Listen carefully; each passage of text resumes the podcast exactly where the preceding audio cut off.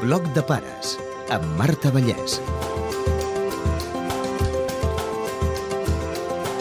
Avui parlem de la importància d'escoltar els fills, escoltar amb els cinc sentits, escoltar de debò. Ho fem? La psicòloga Maria Jesús Comelles ens acompanya en aquesta reflexió. A menudo los hijos se nos parecen, así nos da la primera satisfacció. Escoltar-los és una actitud de qualitat, serena, de tranquil·litat, que no vol dir de sofà i al vespre que ara farem les coses serioses, sinó allà on sigui que estàs dient per què ho dius, d'on t'ho has tret, com ho saps, perquè la canalla construeixen el món a partir de la seva informació. Els hem d'escoltar per saber com se senten, què pensen. Entre ells s'escolten, més o menys. Xerren moltíssim, xerren de nosaltres, xerren del món, xerren de tot. I ens passa molt, molt, molt superficialment el seu pensament. Deixem-los que s'expressin. No acabar-los les frases del que comencen a dir. Que no els hi diguem, no, bueno, però tu el que vols dir és... Perquè és que no ho sabem què és el que volen dir. Per ells qualsevol moment és bo per plantejar els interrogants més compromesos. Anem amb un embús de trànsit i llavors et pregunten per on surten els nens. I veus l'adult que s'agafa el volant i ara què li contesto? I en alguns moments surt el comentari per què m'ho ha preguntat llavors? Perquè no acaba de tenir clar quan, perquè és el moment que li ha passat pel cap. I llavors hi ha aquelles preguntes que dius, ostres, per què no busco un moment més tranquil? No, la criatura no pot buscar un moment tranquil. I li podem contestar de pressa, transcendentment o no. I li podem dir, mira, surten per la vagina i punt, o ja en parlarem a casa, és una miqueta llarg i millor que no ho expliquem ara de pressa. I podem tenir recursos per dir, espera't un moment, deixa'm rumiar. Els anirem coneixent amb les petites converses de cada dia, no tant pels grans moments que també hi han de ser. El dia que li hem de dir la cosa important, si no xerrem el dia a dia no sortirà la cosa important. Llavors el que sí que la canalla són maquíssims, molt respectuosos a més a més, si ens diuen, bueno, va, parlem-ne, i se senten i aguanten l'explicació que l'adult li vol donar del tema tan important. I com que no l'escoltem, no sabem ni el que sap ni el que no sap. I sovint el seu comentari és, ahir els hi va apretar de parlar-me de... Diu, tot el que em va dir ja ho sabia. I t'han preguntat el que sabies tu? Diu, no, jo tampoc ho he dit. Sempre amb actitud d'escoltar i gestos de complicitat. La mirada, els hem de mirar als ulls. No podem parlar d'esquena, no podem parlar mentre feinegem. Mentre feinegem hem de parlar, però també amb la mà a l'esquena, també sentats a terra, també això anant pel carrer, també anant amb el cotxe. No hem de crear l'espai de parlar i l'espai de viure, sinó que hem de viure parlant i parlar vivint. It's in your eyes,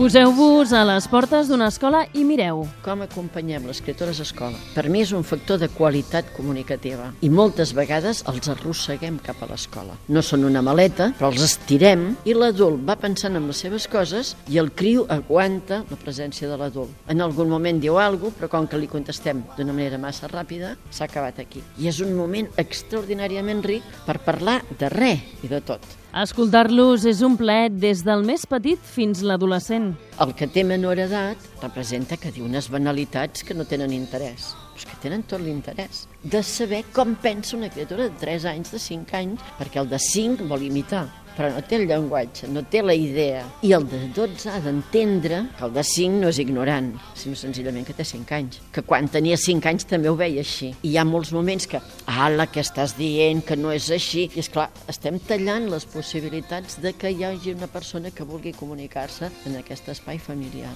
Fem servir paraules que ells entenguin. En la mesura que no vulguem convèncer, vol dir que també el llenguatge ha de ser com més rodó, com més amable, i el to de veu i el vocabulari molt apropiat en l'edat. En el moment en què l'escoltem, sabem quines paraules fa servir i hem d'incorporar aquestes paraules i afegir les nostres que volem que vagi aprenent. Per molt que els vulguem convèncer, per molt que els hi vulguem dir, hi ha d'haver-hi sempre aquesta tendresa i claredat. When you love someone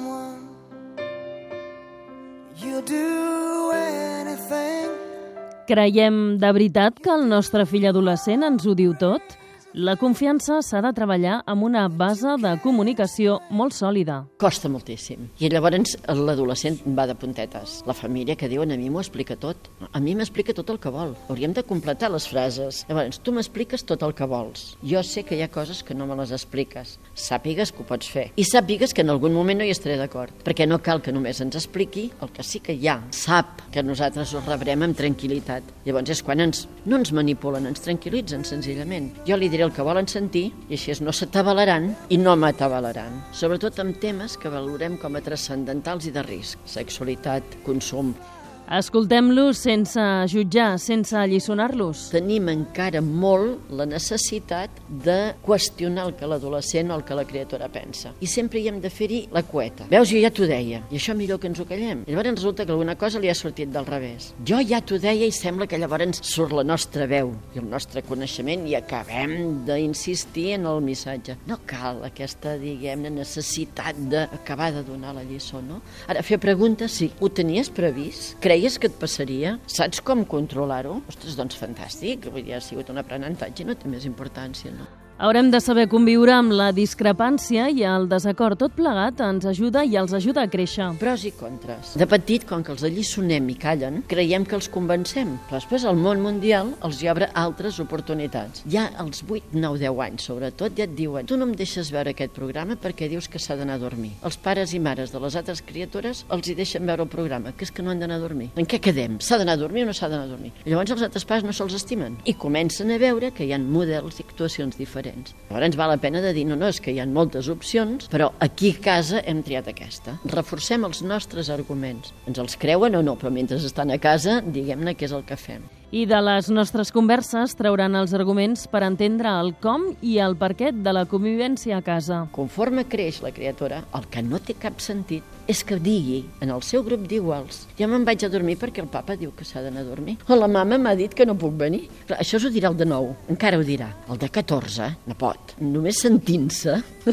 se li posaria la pell de gallina. I a més a més és una mala jugada. Per tant necessita tenir arguments. Llavors, quan està amb aquesta controvèrsia amb l'adult. Sí, i per què? No és veritat, això tu penses tu, et penses que ets carrossa, la societat ha canviat, ens està dient dona'm arguments perquè jo pugui contrarrestar-los amb la meva gent. Every breath you take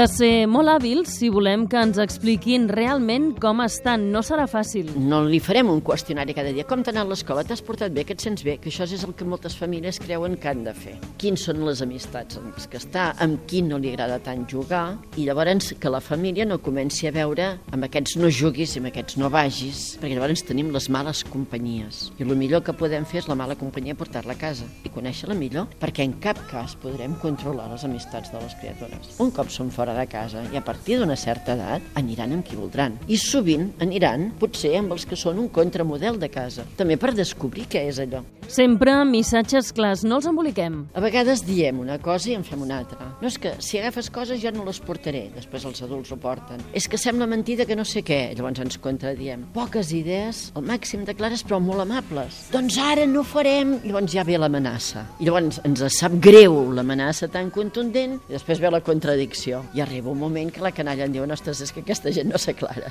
És bo explicar per què fem les coses d'una determinada manera. Hi ha un atabalament des de fa un parell d'anys en demanda de límits i normes, límits i normes. En lloc de posar més criteris, pocs i clars. I en la canalla els hi diem més, el que sí i el que no, que no pas el per què. Més val un criteri que sigui clar, un criteri pot ser, jo que sé, que hem de menjar verdura perquè doncs, hi ha arguments de salut. Quan tindrà una certa edat no haurem d'anar a controlar si s'alimenta bé perquè ha assumit el criteri.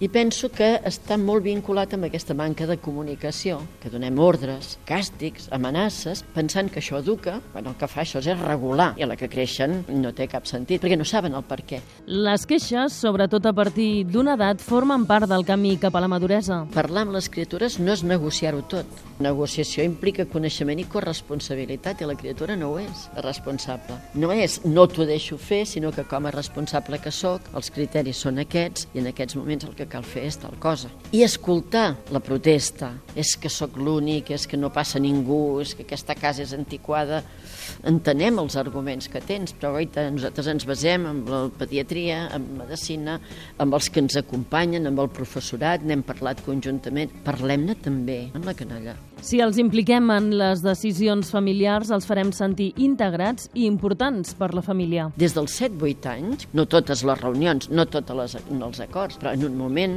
com estàs, com ho veus, i que també hi pugui participar. I amb l'adolescència, evidentment que a totes les trobades, una estona, si més no, hi hauria de ser-hi. Escolta, com ho veus? No podem parlar de l'adolescent sense l'adolescent, com no podem parlar de les famílies sense les famílies. Llavors és aquesta participació que és la que fa que interioritzi tota aquesta manera de veure de la família i la manera de ser de la família. Por ti lucharé por todo cariño que has puesto conmigo. Si vols saber més coses... Al llibre Escola de Pares de Columna, la Maria Jesús Comelles dedica un capítol a reflexionar sobre si escoltem els fills. També en parlen els llibres com hem de parlar perquè els fills escoltin y cómo hem d'escoltar perquè els fills parlin, y cómo hablar para que los adolescentes le escuchen y cómo escuchar para que los adolescentes le hablen. Els dos publicats per Medici. Posa-li la mala esquena, fer-li una abraçada de tant en tant, esborrifar-li els cabells, aquelles coses de quin fred que fa, no? I què faràs, que jugaràs, has fet els deures, ja t'has portat bé, tu has menjat tot? No cal un qüestionari. Com ha estat el dia? Que t'ha passat bé? Tendresa. Contigo y por tu calor y por tu carisma te llevo conmigo, te llevo conmigo, te llevo conmigo.